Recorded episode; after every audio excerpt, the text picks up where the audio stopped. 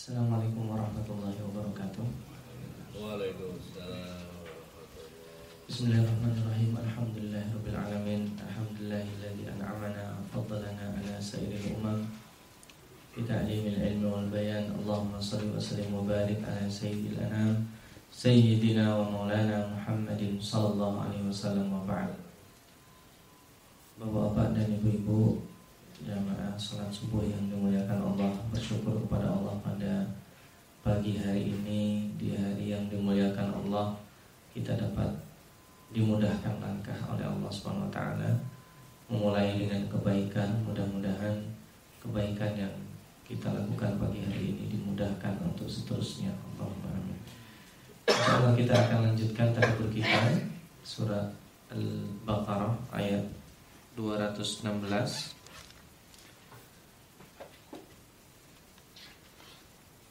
Sekilas kita sambung pada pertemuan sebelumnya. Di akhir pertemuan sebelumnya Para sahabat Rasulullah SAW bertanya Tentang apa yang seharusnya diinfakkan. Ini kemarin sudah kita jawab Bahwa prioritas infak itu pertama kali. Ini secara umum ya Kalau ada kata-kata infak Di dalam Al-Quran itu include banyak hal. Ada sodakoh jariyah, ada sedekah sunnah, ada sedekah wajib yang berupa zakat itu semua termasuk. Dan barangkali e, prioritasnya sudah kita katakan yaitu yang pertama adalah untuk orang tua dan kerabat e, dan seterusnya itu sudah disebut pada pekan lalu. Jadi kebaikan kepada orang tua itu mutlak menjadi prioritas. Nah, pada kesempatan kali ini ada beberapa hal yang nanti ditanyakan oleh para sahabat kita mulai dulu dari dari Allah Subhanahu wa taala. A'udzu billahi minasyaitonir rajim. Kutiba 'alaikumul qitalu wa huwa kurhul lakum wa 'asa an takrahu syai'an wa huwa khairul lakum wa 'asa an tuhibbu syai'an wa huwa syarrul lakum wallahu ya'lamu wa antum la ta'lamun. Ini Allah memulai dengan ayat kutiba 'alaikumul qital. Jadi kita diwajibkan untuk berperang. Nah, ini ayat ini kalau dipenggal di sini saja itu akan menegaskan bahwa umat Islam suka berperang. Apalagi kalau kita itu dipahami adalah al-qatlu, beda. Pembunuh. Nah, pembunuhan. Sementara pembunuhan itu tidak disukai Allah. Innallaha la yuhibbul mufsidin. Allah tidak menyukai orang-orang yang berbuat kerusakan. Nah, al-qital beda dengan al-qatlu. Kalau al-qatlu itu membunuh dan pembunuhan itu dikecam oleh Allah. Sementara al-qital, peperangan itu konotasinya tidak selalu membunuh. Nah, maka al-qital itu lebih luas. Qital itu kalau di era modern pertempuran itu bisa ekonomi, bisa politik, bisa keamanan, bisa beberapa hal yang lainnya. Yang paling besar adalah peperangan yang korbannya adalah jiwa. Nah, di antaranya peperangan yang menyebabkan pembunuhan. Nah, ini kutiba alaikumul qital ayat ini terpisah. Maksudnya apa? Di dalam Al-Quran ayat yang senada itu cuma ada empat. Kutiba itu cuma ada empat. Dulu pernah ketika Al-Fakir eh, ceramah di bulan Ramadan itu ada request supaya tidak membahas kutiba-kutiba kutiba alaikum siam. Nah, ternyata ayat kutiba di dalam Al-Quran itu cuma empat saja. Kutiba alaikum siam, kutiba alaikum kisos, kutiba alaikum idza hadara ahadakumul maut yang kita sudah pelajari. Tiga-tiganya itu e, berhubungan satu sama lainnya. Puasa, kisos dan wasiat. Nah, ini disendirikan karena pembahasannya berat. Orang kalau membicarakan tentang peperangan di dunia ini tidak ada yang enak. Entah itu peperangan yang berlarut-larut seperti di Syria, entah itu peperangan politik seperti di Mesir yang mengakibatkan juga ada korban jiwa entah itu terjadi tentang e, perebutan sumber daya alam yang sekarang sedang memanas di Crimea itu di Ukraina. Itu peperangan-peperangan itu e, diwajibkan lebih diwajibkan. Di sini wajib itu kutiba di situ ada dua. Menjadi wajib kalau judulnya adalah mempertahankan diri. Eh, jadi kalau seandainya ada kita diserang maka peperangan itu menjadi wajib. Tidak peduli di situ pejabat rakyat sama. Tidak peduli di situ jenderal sama kopral sama. Kewajibannya itu wajib ain. Tapi menjadi wajib kifayah ketika fungsinya adalah uh, dalam kondisi aman. Makanya uh, wajib militer itu tidak berarti kita semua harus angkat senjata. Tapi potensi untuk menjaga dari vital itu menjadi wajib kifayah, menjadi fardu kifayah. Makanya harusnya setiap warga bangsa Indonesia itu punya kemampuan untuk berperang. In case nanti ada serangan itu tidak mengandalkan eh, TNI lagi. TNI itu adalah benteng terakhir. Tapi ketika ada peperangan, eh, warga sendiri sudah bisa melakukan pertahanan. Kalau sekarang kan seandainya ada peperangan, kita dapat pasokan apa senjata, maka kita juga belum tentu bisa menggunakan senjata karena tidak ada pengetahuan itu. Maka di negara-negara lain itu wajib militer e, merupakan kewajiban setiap personal, tetapi nanti kewajiban mempertahankan negara itu dimulai dari TNI, tapi dari dari tentaranya, tetapi setiap warganya memiliki potensi untuk mempertahankan bangsanya. Nah, maka kutiba alaikumul kita sekarang dari kita Eh, kewajiban kita berperang itu nomor satunya dulu kita pernah membahas tentang security awareness tentang uh, keamanan nomor satu yaitu akidah. Maka kita yang harus diwajibkan bagi kita itu adalah peperangan untuk menjaga akidah. Itu wajib itu. Sampai titik darah terakhir. Maka menjadi wajib bagi kita melindungi anak kita dari hal-hal yang menyebabkan korban peperangan akidah itu. Televisi kah pergaulan dia dan sebagainya. Jadi ini tidak hanya melulu masalah fisik ya peperangan kontak senjata yang bisa mengakibatkan kematian. Wa dan itu tidak mengenakan kurhun itu di sini ayat ini disebut dengan mukobala karena ada ada bicara tentang benci bicara tentang cinta. Jadi ayat ini benci dan cinta itu ada selaras dengan peperangan. Ya entah kebetulan entah tidak. Biasanya kalau ada kisah tentang peperangan itu di, di antaranya biasanya diselingi tentang kisah percintaan dan itu yang laku kalau cerita-cerita gitu bagi anak muda. Nah, maka di sini wahwa lakum itu konotasinya kebencian itu bukan berarti di dalam peperangan. Perangnya itu sendiri tidak ada orang yang suka yang suka peperangan ini cuma orang yang jual senjata aja mungkin bisnis senjata kan nggak laku kalau nggak ada perang.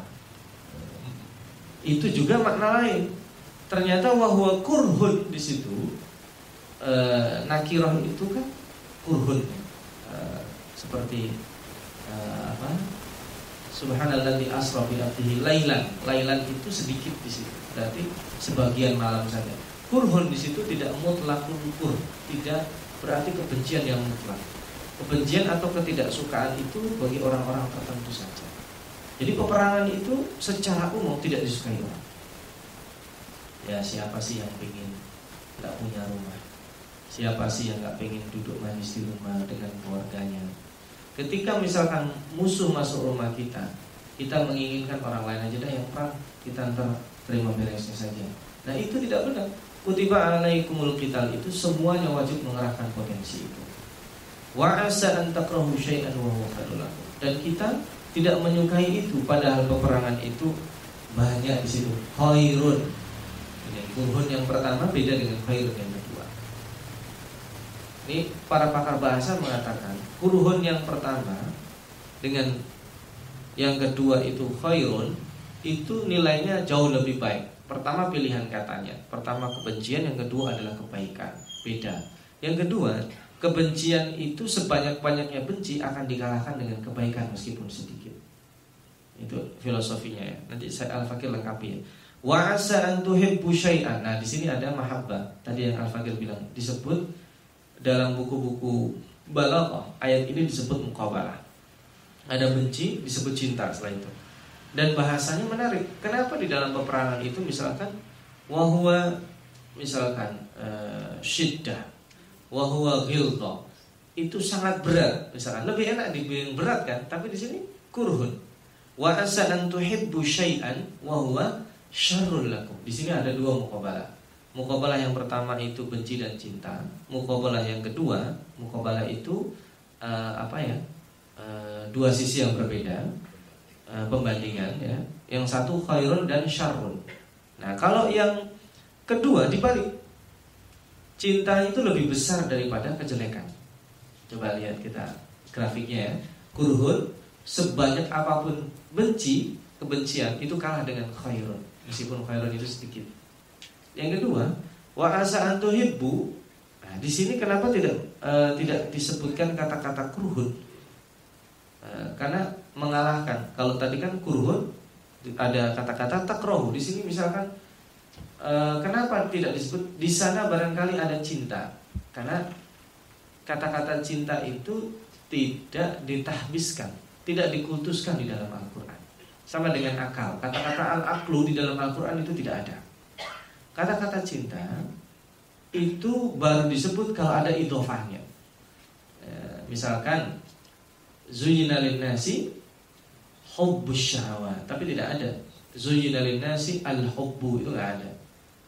Zuyina nasi hubbus syahwati minan nisa. Ada ada spesifikasi. Maka di sini ketika wa asa an tuhibbu syai'an mencintai sesuatu barangkali yang kita cintai itu lebih buruk dari yang kita bayangkan Allah Subhanahu wa taala uh, di dalam sini kan tadi kita sudah bicara benci dan cinta ya kita mencintai dunia mencintai kondisi santai padahal kondisi santai itu barangkali lebih buruk dari kita lihat uh, saudara-saudara kita mohon maaf barangkali ketika tidak dicoba dengan peperangan, sebagiannya tidak disiplin sholat, tidak disiplin membayar zakat, tidak disiplin bersilaturahim dengan saudaranya. Begitu diserang dia oleh orang-orang yang zalim, yang tadinya tidak bersaudara atau sedikit-sedikit berbeda itu musuhan menjadi bersatu. Nah barangkali itu Allah ada hikmahnya ketika terjadi peperangan itu jika terjadi kezaliman itu diuji oleh Allah Subhanahu wa taala, di situ barangkali untuk mentasbih. Ini dikunci dengan wallahu ya'lam wa antum la ta'lam. Allah itu tahu dan ya'lam itu continuous ya. Allah selalu tahu kalau terjemahannya gitu. Di terjemah saya nggak tahu apakah ada kata-kata itu.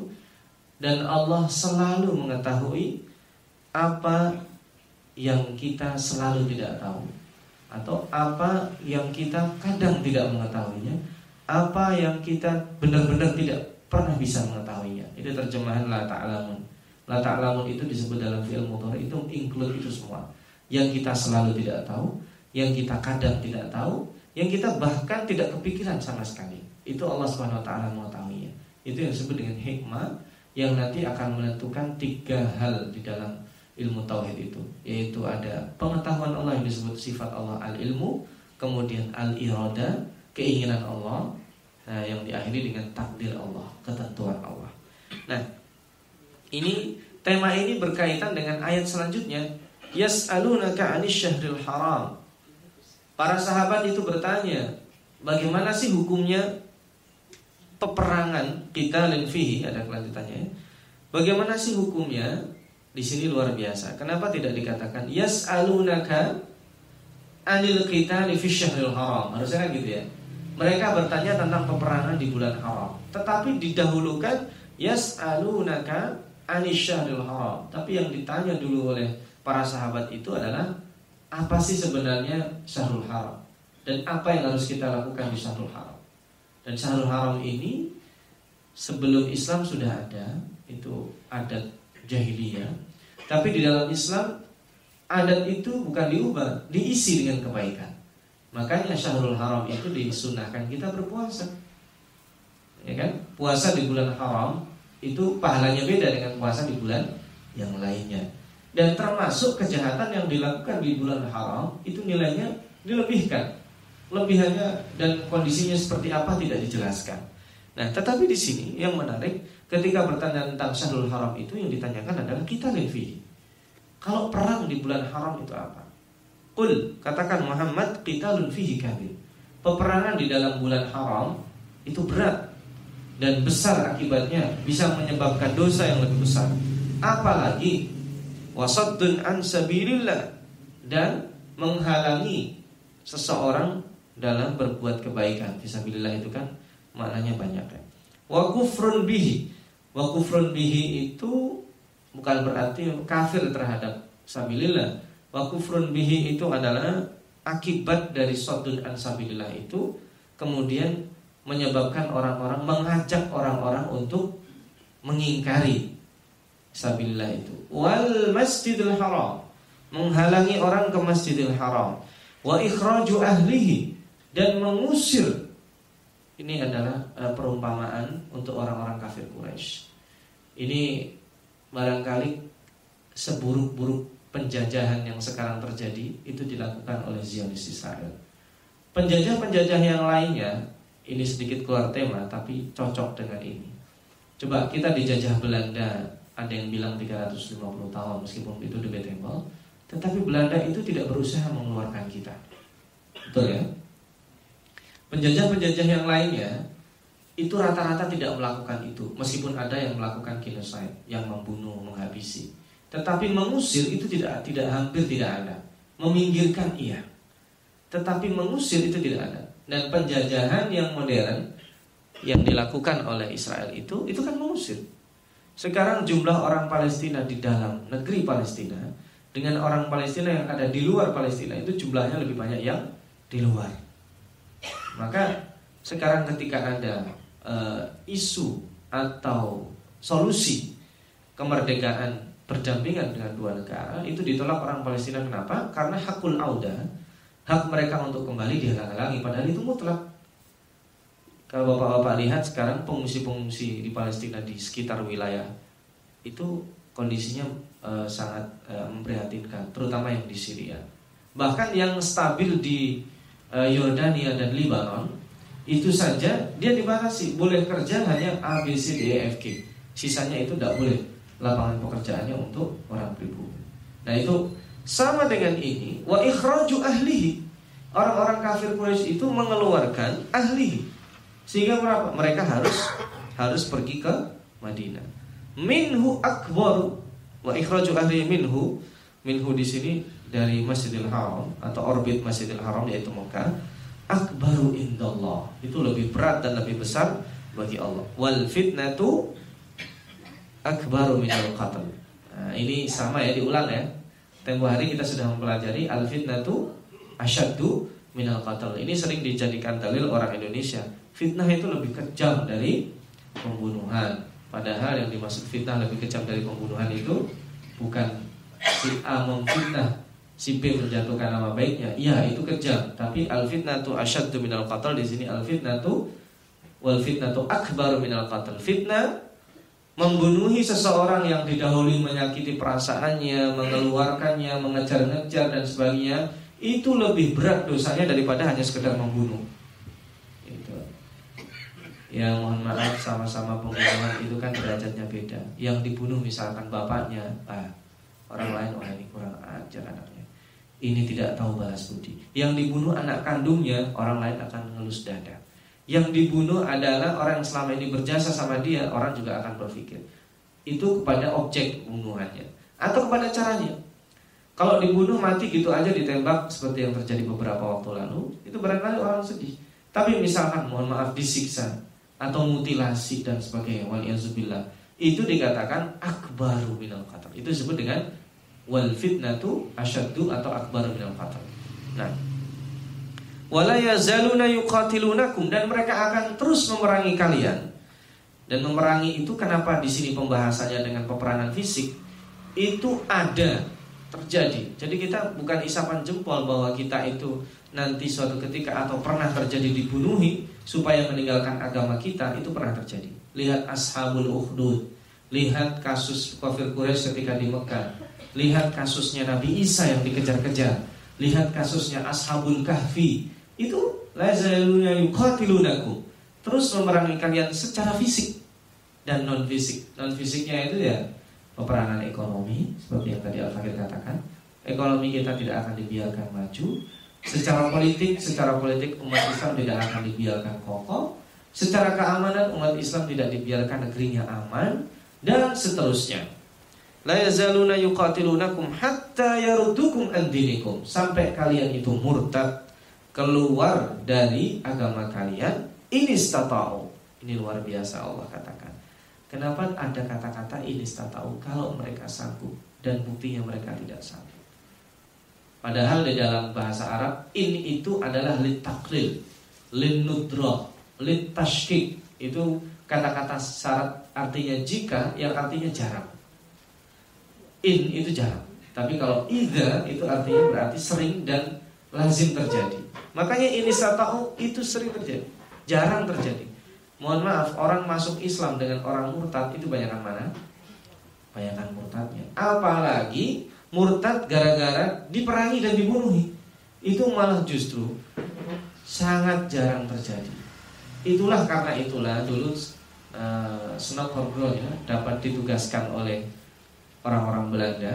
Dia masuk Islam, belajar Islam di Mekah, bahkan sampai ada yang mengatakan hafal Quran, sampai akhirnya membuat kesimpulan salah kalau Belanda itu memerangi rakyat Indonesia dengan senjata. Meranginya bukan dengan itu. Peranginya adalah uh, divide et impera itu. Apa itu artinya? Dipecah belah. Nah itu yang terjadi. Umat Islam jangan dibunuhi mereka, jangan itu malah menambah militansi. Lihat sekarang di mana-mana. Kalau umat Islam itu ditekan, dia makin bangkit.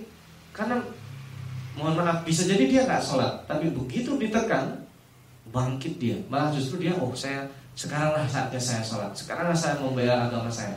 Tetapi dijauhkan dari agamanya supaya bisa dipecah belah. Makanya di sini ini tahu itu kecil.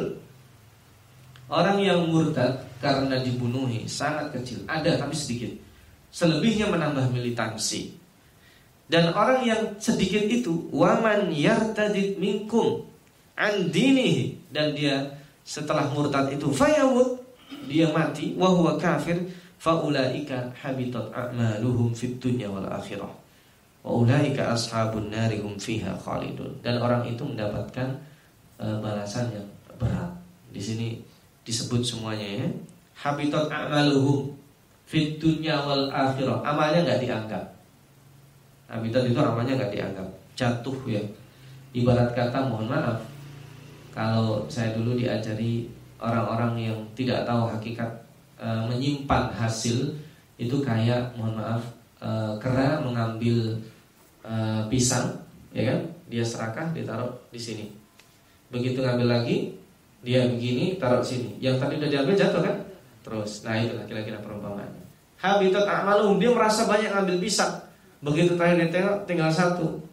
Karena dia susah ngambil ini dilepas begitu ditengok sudah nggak ada lagi. Itulah perumpamaan. Mungkin ada perumpamaan yang lain tapi kita merasa punya amal banyak ternyata tidak dianggap oleh Allah. Yang kedua ashabun nar. Mereka itulah orang-orang yang berKTP neraka. Masya Allah. Bukan hanya dimasukkan kan di sini. Kalau masuk kan saya masuk ke ke hobi di sini atau masuk di tempat ini. Kan saya bukan di sini tinggalnya. Bisa jadi saya tidak berKTP di sini, KTP saya di RT dan RW lain.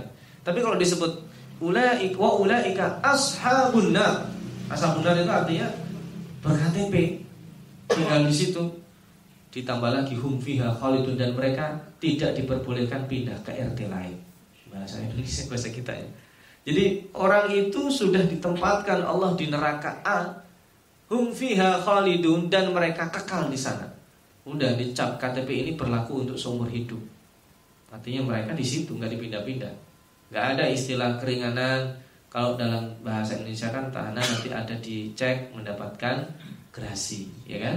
Nanti mendapatkan gerasi mendapatkan pembebasan bersyarat setelah itu pemulihan nama baik dan sebagainya kalau di neraka tidak ada hum fiha khalidun karena orang murtad ini adalah orang yang tidak tahu esensi perjuangan makanya di dalam agama kita murtad itu hukumannya adalah hukum mati dan itu sering dikatakan itu melanggar HAM hak asasi manusia mungkin lain waktu kita bicarakan tapi sesungguhnya orang yang murtad itu mengkhianati konsekuensi yang telah e, dia pertama kali nah yang kedua, balasan sebagai mukobalah, ini ayat tadi kepengecutan ya.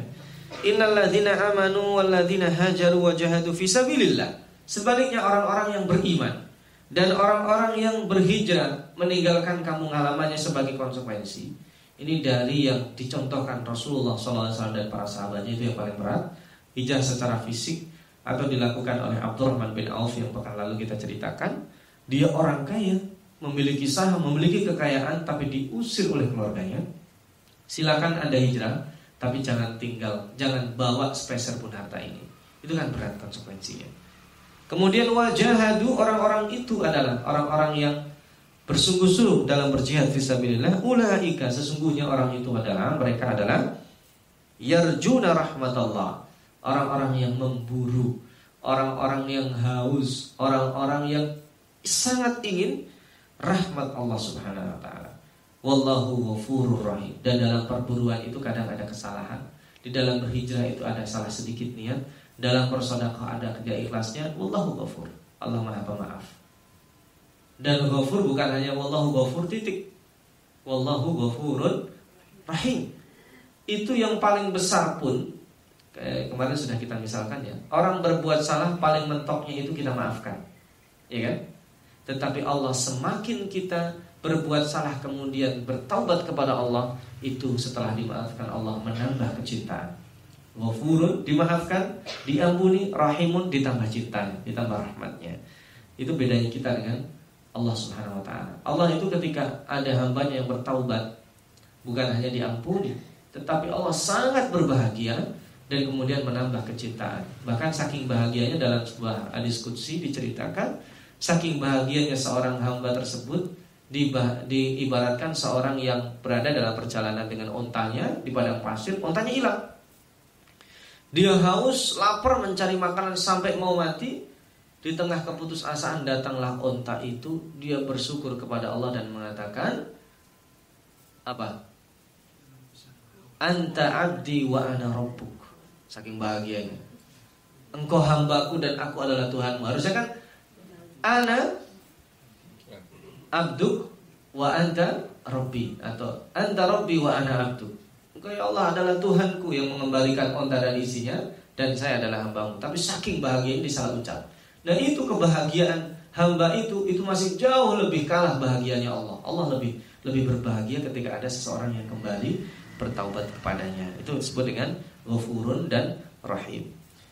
Nah, Yas'alunaka banyak Ini yas'alunaka yang berikutnya Tadi ditanya tentang peperangan Ini ayatnya luar biasa Nanti berkaitan dengan malayan fikun yang pertama. Yas'alunaka anil khamri wal maisir. Ditanya. Ini jumhur mufassirin mengatakan yang bertanya bukan orang kafir. Yang bertanya itu sama dengan yang atas. Yang pertama adalah orang-orang muslim. Orang-orang muslim itu bertanya Wahai Rasulullah apa sih hukumnya khamr Dengan maisir judi? Ini ayat turun pertama kali. Jadi kalau di dalam e, tarikh tasri sejarah tasri agama agama kita pengharaman khamar itu terjadi tiga kali. Ini yang pertama, kul fihima ithmun kabir wa manafi'u linnas wa ismuhuma akbaru min nafihima. Ditanya khamar sama judi ibunya gimana? Di dalamnya ada kemudaratan, ada dosa, ada yang bisa merusak, tapi ada manfaatnya. Jadi tidak jelaskan hal-hal haram. Nanti ayat kedua turun La taqrabus sholata wa antum sukara. Jangan melakukan sholat kalau kalian mabuk. Itu ayat kedua. Oh, berarti kalau saya mau mabuk entar setelah sholat gitu ya. Dan begitu yang ketiga turun final. Ya kan? Yang, yang ketiga itu ayatnya final. Al-khamru wal maisir itu adalah haram. Fajtanibuhu. Jadi disuruh menjauhi. Ya. Ini nggak bisa kemudian kita menganggap hukum homer sekarang juga gitu. Sekarang hukum homer e, di satu tempat bisa jadi tidak haram, di tempat lain bisa jadi haram, bukan? Kalau dijadikan untuk metode dakwah bisa, tetapi hukum homer tetap haram. Misalkan e, ketika orang kita tanya, dia baru masuk Islam, tapi nggak bisa meninggalkan makan, mohon maaf, daging babi atau minum wine misalnya. Kemudian dia tetap minum itu, oh nggak apa-apa. Nggak apa-apa itu bukan berarti halal dan haram, tapi itu perlahan orang itu perlu belajar lebih banyak lagi. Nah ini jangan kita salah pahami bahwa oh berarti hukumnya ketika ada seorang ustadz memfatwakan dia mu'alaf tapi masih makan daging babi dan masih masih minum wine. Loh gimana ini menyalahi Quran bukan? Itu metode dakwah, tapi hukumnya sudah final. Khomer haram. Tetapi metodenya bisa kita pakai. Yang kedua maisir, judi. Disebut maisir dari kata-kata yusrun, mudah. Kenapa? Judi itu ngambil duit mudah. Ya gimana nggak mudah dia ongkang-ongkang kaki tinggal muter-muter tahu-tahu iya saya menang gitu. Ya tapi yang lain jadi dongkol. Nah, kemudahan itu ada dua di sini. Maisir itu kemudahan mendapatkan harta dan kemudahan munculnya permusuhan. Dalam perjudian itu perasaan dibolak-balik. Baru semenit dia senang, kemudian muter lagi kartunya kalah dia ngedrop lagi. Nah, itu dikata, maka disebut dengan maisir. Sangat mudah apa aja terjadi. Mendapatkan uang mudah, kehilangan uang mudah juga. Kita membahas tadi kurhul dan hub ya, benci dan cinta. Di situ membenci orang muda, mencintai orang juga mudah. Maka disebut dengan al-maisir. Al-maisir itu apa? Sebab yang memudahkan. Nomor satunya memudahkan dapat duit, nomor dua yang memudahkan kehilangan duit. Nomor eh, berikutnya adalah ke kemudahan membenci orang, nomor berikutnya kemudahan menyukai orang. Maka disebut dengan al-maisir di situ. Nah, kul fihima ismun kabir. Dosanya itu besar. Dia tadi itu mendolimi orang lain, membuat kebencian, membuat kerusakan. Dan kalau ada maisir, ada judi, mohon maaf, itu trilogi. Judi, khomer, itu disebut satu lagi, uh, maaf zina. Tiga itu. Nah, kalau disebut perempuan itu objeknya, salah. Sebenarnya bukan perempuan yang diinginkan, perbuatannya. Ya kalau laki-laki ya berarti ada perempuannya. Kalau perempuan ya pasti ada laki-lakinya. Meskipun sekarang tidak mutlak, karena ada juga yang aneh sekarang laki-laki nggak nggak senang sama perempuan perempuan demennya sama perempuan-perempuan nah itu sudah tambah hedonisme modern sekarang kan karena melebihi zaman itu nah ini Ismun kawin itu trilogi Khomer, Maisir dan disebut dengan uh, apa fahisha dalam bahasa Al-Quran itu fahisha Al-Quran jarang menyebut zina ada ketika membicarakan hukum tapi ketika membicarakan kerusakan disebut dengan fahisha bahasa konotasi Nah, wa manafi'ul linnas ada manfaatnya. Apa manfaatnya? Membuat ketawa-ketawa. Apa manfaatnya? Membuat malas-malasan. Apa manfaatnya? Relaksasi. Apa manfaatnya? Iya jelas orang kalau kita lihat di negara-negara maju itu bahkan sampai diatur perdanya. Di Jepang itu setiap weekend itu tempat paling banyak diisi orang itu tempat perjudian. Karena mereka capek kerja pengen relax. Di antara relaxnya adalah main judi. Dari yang paling sederhana sampai yang kelas berat kasino. Ya, dan hampir semuanya itu bisa anak-anak sana. Nah, itu disebut dengan manafik jadi relaksasi. Tapi sebenarnya salah relaksasi bukan gitu karena kalau salah-salah bisa mengakibatkan tadi ismun. Dan ini didahulukan. Al-Quran tidak mengatakan kul fihima manafik enggak. Didahulukan maka terus ditakkit lagi wa ismuhuma dan madharatnya dosanya kedolimannya akbar min naf'ihima lebih besar. Itu kalau orang mau mikir nah berarti nggak ada gunanya dong khamr dan maisir. Nah itu disuruh mikir. Tapi itu tidak jelas-jelas dikatakan haram. Sampai di sini kemudian ada tema lain yang ditanyakan para sahabat wa yas'aluna kama yunfiqun nah ini yang menarik karena kemarin sudah ditanyakan ya kalau kemarin itu ditanyakan kepada siapa? Kalau sekarang apa yang diinfakkan? Itu menandakan kepada siapa itu lebih penting daripada apa yang saya berikan. Jadi gini, kalau kita mau berinfak, nomor satunya bukan jumlahnya berapa, tapi siapa yang saya bantu. Itu prioritasnya. Ini siapa nih yang akan kita bantu nih? Misalkan kita di dalam rumah e, diskusi dengan istri kita, keluarga kita siapa yang kita bantu bulan ini. Itu prioritas. Baru yang kemudian berapa yang kita bantu. Nah, yang siapa itu sudah final kita kita bicarakan kemarin. Siapa yang kita bantu nomor satu adalah walidain wal akrobi orang tua dan kerabat serta orang yatim, orang miskin dan sebagainya sudah kita bahas. Nah sekarang apa? Yas'alunaka Mada yang fikum Dua-duanya sama dengan mada Tapi bedanya kemarin siapa Apa yang saya infakkan untuk siapa Sekarang apa? Jadi esensi apa? Kulil afwa. Al afwa di sini adalah tambahan. Karena ini berhubungan dengan maisir, maka ini infak yang standar. Ya, kita makan dulu, beli kebutuhan keluarga di akhir bulan, wah uang kita tersisa sekian. Itu disebut al-afwa. Sisanya ini kita infakkan. Wow, infak kok sisa ah, itu lebih mending daripada nggak infak sama sekali. Nah, mulainya dari al-afwa. Karena berinfak dalam peperangan itu bukan afwa. Itu berat. Kita lagi nggak punya uang, disuruh berinfak, berat nggak? Berat. Mustahil terjadi kalau tidak dimulai dengan al-afwa. Jadi al-afwa itu sesuatu yang tambah, tambahan. Nah, kita nggak terlalu membutuhkan. Boleh, boleh, dan itu dianjurkan melatih supaya ketika kurhun itu datang bisa. Karena berinfak itu berat. Tapi kalau dimulai dari al-afwa itu tidak mustahil. Nah, misalkan penghasilan kita angkanya A, kebutuhan kita nggak sampai A, masih ada sisanya. Nah, sisanya itu disebut dengan al-afwa. Jadi kelebihan. Makanya kelebihan. Tapi kalau di dalam orang kaya bukan berarti lebih. Salah kita menerjemahkan al-afwa itu orang kaya. Dia bisa jadi kebutuhannya lebih dari itu sehingga mengakibatkan dia berat di dalam berinfak. Makanya berinfak itu diusahakan. Jadi gini, infak itu ada yang mingguan. Lazimnya kita e, berinfak yang rajin kita lakukan itu pada saat sholat Jumat ya. Tapi yang kita keluarkan di dalam sholat Jumat itu sudah dipilih dari jauh-jauh hari ketika di rumah, ya kan? Dan yang dipilih bukan yang terbaik. Gitu. Biasanya mohon maaf kita juga harus jujur pada diri kita sendiri.